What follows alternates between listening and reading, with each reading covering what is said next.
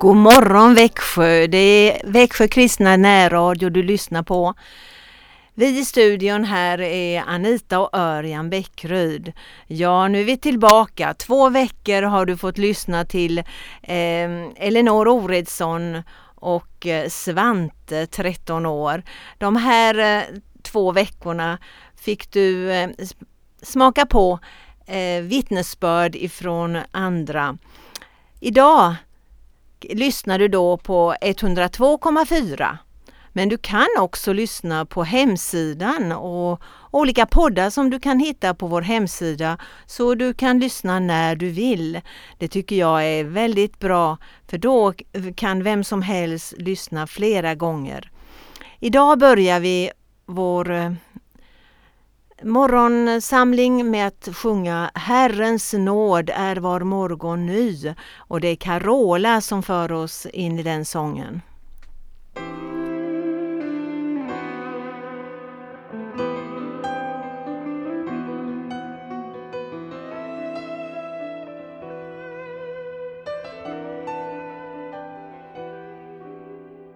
Herrens nåd är var morgon ny Varför skulle vi sörja. Jordens skuggor, hur snart det fly, Må vår lovsång då börja. Pris ske Gud, vi mot målet ila. Jesus följer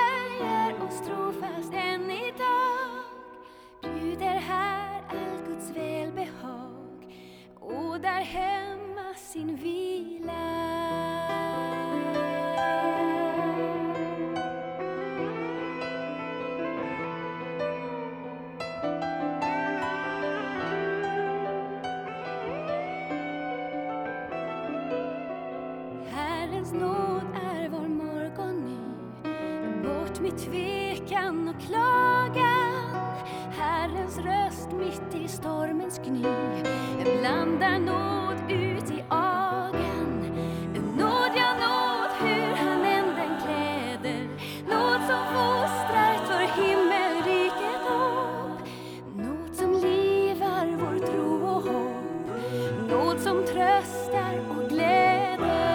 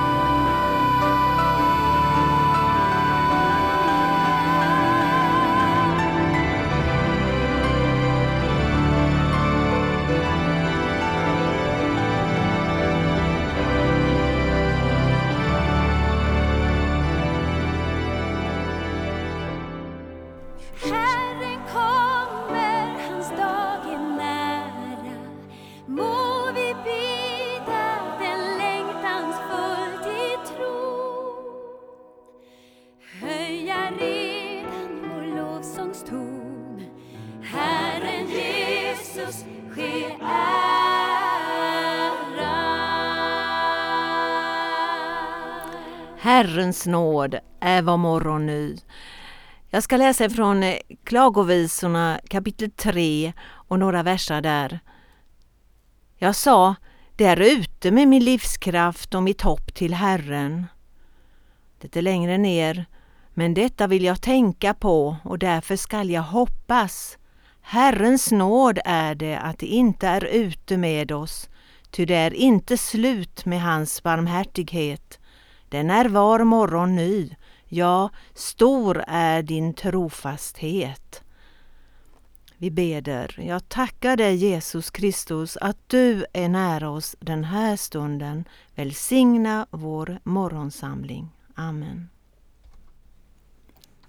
Ja, för en och en halv vecka sedan så var vi i staden Sens som ligger 11 mil söder om Paris. Eh, staden heter Sens men den stavas S-E-N-S om ni nu letar efter det på kartan kanske. Eh, det var så att eh, vi har bott där i 12-13 år som par och familj och vi har sett en församling växa fram och det var en väldigt stor glädje att komma dit. Och eh, det fantastiska bemötandet vi fick och all glädje att träffa eh, en del mycket kära vänner som vi har eh, känt då sedan länge tillbaka, sedan 80-talet till och med. Och att se inte minst nya personer som har kommit till och som har upplevt livsförvandling. Eh, det här har gjort att eh, jag tänkte tillbaka lite granna eh, på det band som knyter samman staden Sans med Sverige. Och det kanske kan vara intressant för dig att höra något om det och det blir en historie Eh, ja, en tillbakablick eh, på historien, hur kristendomen eh, kom till Sverige och utvecklades. Jag börjar faktiskt med min barndom när jag växte upp i Östergötland, närmare bestämt i Vadstena, eller Vadstena som man naturligtvis måste säga när man bor där. Jag cyklade omkring på Östgötaslätten väldigt ofta, ibland ensam och ibland tillsammans med någon kompis. Och eh, några gånger så eh, bar vägen till Alvastra, Alvastra klosterruin. Eh, det är ju inte mycket kvar utav den, det gamla klostret som ligger där vid eh, Ombergs fot. Eh, därför att eh, Eh, Gustav Vasa passade ju på efter reformationen då att eh, hämta rätt så mycket sten ifrån eh, den gamla klosterbyggnaden och använda den till att bygga Vadstena slott med. Men det är en annan historia. Alvastra ligger ju alltså bredvid Omberg och det är ju för östgötarna ett riktigt berg fastän det bara är 175 meter högt eh, över Vätterns strand. Men eh, man har en fantastisk utsikt därifrån och då har jag tänkt lite grann på eh, Östgötasången där. Där det sägs att väl hundra vita kyrktorn på slätten hålla vakt längs insjöstrand som glittervågor skölja. Och när man tittar ut alltså ifrån berget Omberg så ser man ju då eh, om, eh, Alvastra och eh, 1145, det är ju länge sedan det, eh, då lät kung Sverker eh, upplåta ett landområde till cisterciensmunkarna eh, som kom söderifrån och de byggde upp en hel stad omkring eh, det klostret. Och eh, det blev ju en väldig utveckling av jordbruket och trädgårdsskötsel och eh, frukt och grönsaker började man odla på ett nytt sätt och eh, kryddor började man använda på ett annat sätt. Och det finns faktiskt i Vadstena fortfarande en örtagård ifrån den tiden. En av munkarna där hette Stefan och han var troligen engelsman, man vet inte det riktigt. Men eh, han eh, hade en väldigt betydelsefull uppgift där och eh, då blev det så att man ansåg att han skulle bli ärkebiskop i Sverige. Man hade inte någon ärkebiskop. Man lydde under Hamburg, Bremen vad det gäller kyrkliga förrättningar och bestämmelser och eh, delvis då Lund, men eh, Lund låg ju i Danmark eh, det var ju 1685 först som freden i 1658, ursäkta, freden i Roskilde som Danmark fick lämna Skåne. Eh, så man hade beslutat att nu vill man ha en ärkebiskop så att eh, kyrkan skulle vara helt eh, fri i sina beslut direkt. Och då sände man iväg Stefan just till staden Sans där vi har bott då i ett drygt dussintal år. Och varför skulle han dit då? Jo, för att det var en väldigt besvärlig tid vad det gällde den dåvarande kyrkan. Eh, det fanns påvar och motpåvar och eh, Alexander den tredje eh, som var utnämnd påve. Han hade motpåvar och fick lämna Rom och kunde inte vara där. och Han bodde i ett par år i staden Sens. Och där höll man på att bygga upp eh, domkyrkan eller katedralen som den heter. Och eh, då blev det så att eh, vid invigningen 1164 invigningen av katedralen så blev också Stefan vald att bli ärkebiskop i Sverige. Och eh, det finns faktiskt en platta eh, med den inskriften i eh, katedralen där i Sens. Och eh, sedan kom ju Stefan då tillbaka till Sverige och eh, bosatte sig då i Uppsala sedan. Och det här är ju en, ett starkt band då mellan eh, Sverige och Sans på det sättet eh, vad det gäller kyrkohistorien. Eh, sen får vi nog hoppa ganska så långt fram i eh, eh, historien. Då kommer vi till 1562. Då var det religionskrig och Frankrike höll på att bli protestantiskt och det var mycket nära men det bedrevs ju då ett väldigt starkt krig emot eh, hugenotterna som man kallade de eh, reformerta troende. Och eh, de kallades därför att eh, det kom ifrån tyskan och det betyder de edsvurna. De hade ju då bestämt sig verkligen att de ville återgå till skriften och skriften alena var ju deras eh, stora motto. Eh, och eh, Eh, Calvin, eller Calvin som man säger i Sverige, hans eh, lära hade ju fått eh, flera efterföljare och han fördrevs ju ifrån Frankrike och fick en fristad i Genève där han bosatte sig och verkade sedan för att leda reformationen i den delen utav Europa. Men vad hände då i Sens 1562? Jo, det är det som man kallar för den stora massakern i Sens.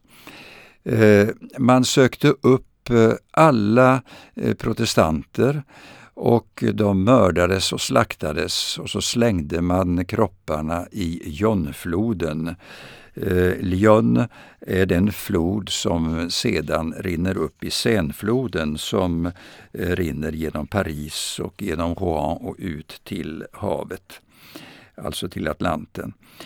Men eh, detta var ju en fruktansvärd händelse. Och det berättas att eh, de var eh, samlade 600 personer för att lyssna till eh, predikan och undervisning i den protestantiska rörelsen där i Sens. De kom ifrån bygderna runt omkring. Det här slogs ju ned alltså väldigt blodigt och det här var väldigt tragiskt. När vi kom till Sens så, eh, och jag tog kontakt med katolska prästerna och då samtalade vi en del om det där och eh, de tyckte det var märkligt att jag kom ifrån Sverige. Eh, jag sa ja, men vi får väl se det nu att eh, eh, det kommer tillbaka något för att eh, fortsätta att bära evangeliet vidare i den här staden. Vi hade goda relationer och vi upplevde att den lilla grupp utav troende som fanns i eh, den protestantiska evangeliska eh, gruppen där, den växte. Och eh, vi fick uppleva att vi hade behov av en ny kyrkolokal. Och då blev det så att en lokal blev ledig just vid Jonfloden. Och det upplevde vi väldigt starkt Eh, som vittnesbörd i vår stad. Och när vi eh, hade eh, iordningställt eh, den här kyrkolokalen och vi tyckte att vi hade fått den väldigt funktionell och, och bra, så hade vi en invigning och eh, officiella personer också, borgmästaren och andra var med. Och eh, man samlades och det var en stor glädje i församlingen över att vi hade fått en ny kyrkolokal. Och jag hade tillfälle då att nämna om just den, den, detta tragiska dessa eh, martyrer som eh, hade fått ge sitt liv och som slängdes i floden just utanför eh, vår kyrkolokal, för den ligger utefter Jonfloden. Och eh, då upplevde vi det att eh, Guds verk går vidare. Eh, det är ju så att eh, väckelserörelser har eh, växt fram eh, utöver vår värld och vi känner att vi tillhör den rörelse som vill gå tillbaka till skrifterna så som man ville göra under reformationen. Och med respekt och kärlek till alla som bekänner sig till Jesu namn så upplever vi denna stora glädje att jag ha fått möta församlingen som finns på den platsen där så många fick eh, ge sina liv just bara därför att de trodde på Guds ord och ville förkunna Bibelns sanningar. Eh, så Guds ord bär frukt. Det tog lång tid innan det vände, kanske man kan tycka på det sättet. Men Gud verkar och han förvandlar människors liv ska vi lyssna till Pelle Karlsson när han sjunger Korset där Jesus gav sitt liv. Jag tycker väldigt mycket om den här sången. För den, eh,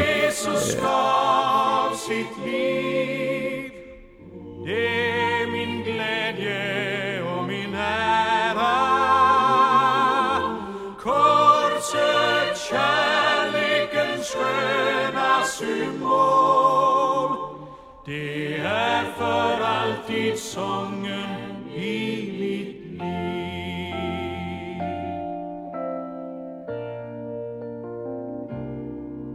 Han böjde sig ned i ödmjukhet blev allas tjänare då. Han tänkte sig själv när han skulle dödsstraffet få. Kärleken kände ingen gräns när lidandets väg han fick gå.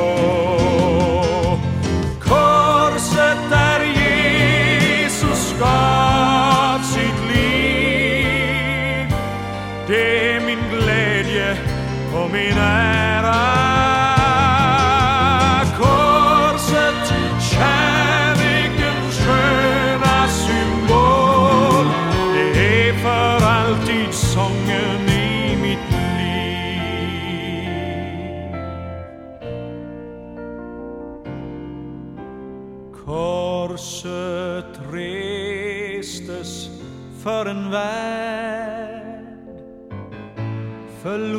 förlorad i mörker och nöd. Gudasonen offret blev och vi finner liv i hans död. Jag ville gråta av tacksamhet det var mina synder han.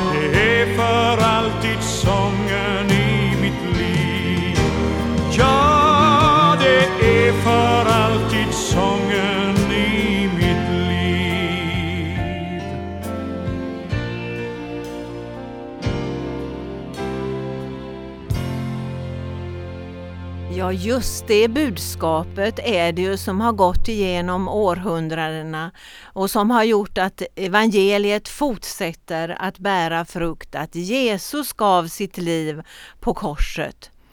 Ja, när vi renoverade och invigde den här eh, kyrkan som Örjan eh, talade om i Sans, då fick vi överta ett lysande kors som har suttit här på, i Växjö på Korskyrkan. Eh, när de eh, hade mm, fått eh, den nya kyrkan, Ulriksbergskyrkan och flyttade över så fick vi det här korset som vi satte fast på fasaden där. Och just det korset betydde särskilt mycket för en holländsk kvinna som bodde en längre tid i Sans. De arbetade med växter och holländarna är ju väldigt duktiga med det här med växter och de arbetade och hade, hade en, en, en firma. Det var den 14 juli, nationaldagen, och på kvällen var det som alltid fyrverkerier. Och man stod längs floden och såg uppåt på de fina fyrverkerierna. Ja, fru Grön, Grönefelt säger man väl på holländska, stod i tankar och kände tomhet i sitt inre.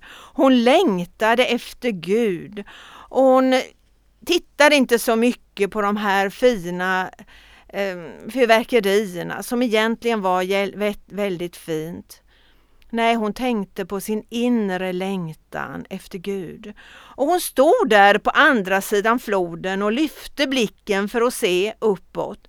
Men hon stannade på halvvägs och rakt fram för, framför henne så fick hon se ett lysande kors på andra sidan och det var det här korset på vår kyrka. Och direkt fick hon visshet, dit ska jag gå. Där har jag lösningen. Det var som om Guds ande riktigt tilltalade henne och hon mycket riktigt kom till nästa gudstjänst och hela familjen började söka Gud. De fick uppleva frid i sitt inre och hennes man också kom till, kom till tro han också, och två döttrar. Ja, Gud förvandlade hela familjen. Korset fick den centrala bu, eh, platsen som vi behöver ha, att han har dött för våra synders skull. Ja, det blev dop och församlingstillhörighet och mycket glädje tillsammans med dem. Men så småningom så flyttade de tillbaka till Holland och de blev medlemmar där borta i en pingsförsamling senare, fick vi veta. Senare så fick frun cancer och efter en tid så fick hon flytta hem till sin herre, trygg i sin tro och mannen och döttrarna fortsätter sin väg med Jesus så långt jag vet. Så ser man hur Gud leder dem som söker och den som söker han finner. Ja, hon såg det lysande korset och just så viktigt är det att se på Jesus och han dog på korset för våra synder för att ge oss frid och ett evigt liv. Vi vet att i Guds ord i Korinthierbrevet läser vi Ty talet om korset är en dårskap för dem som går förlorade, men för oss som räddas är det en Guds kraft. I Filipperbrevet läser vi också Många fiender, många är fiender till Kristi kors. Visst vill du se på, på korset, Jesus, och vända ditt hjärta till honom. så kan vi sjunga den här sången eller lyssna på den här sången Så lyser namnet Jesus än och det är just om att korsets budskap fortsätter att spridas ut över vår värld. Claes Wårdstedt sjunger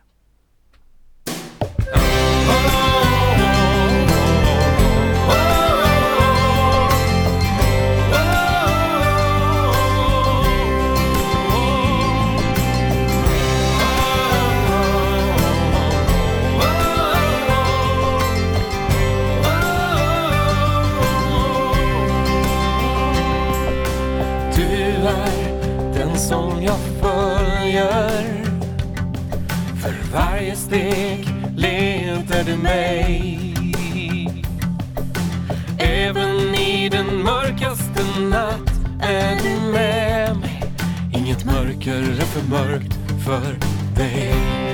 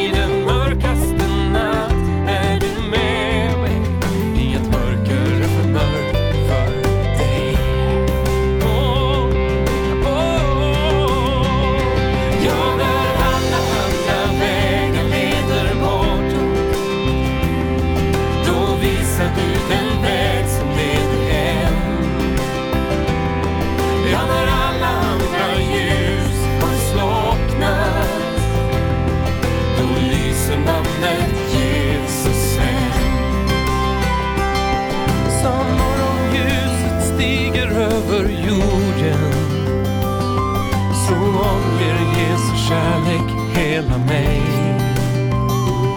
Som morgonljuset stiger över jorden. Så omger Jesu kärlek hela mig.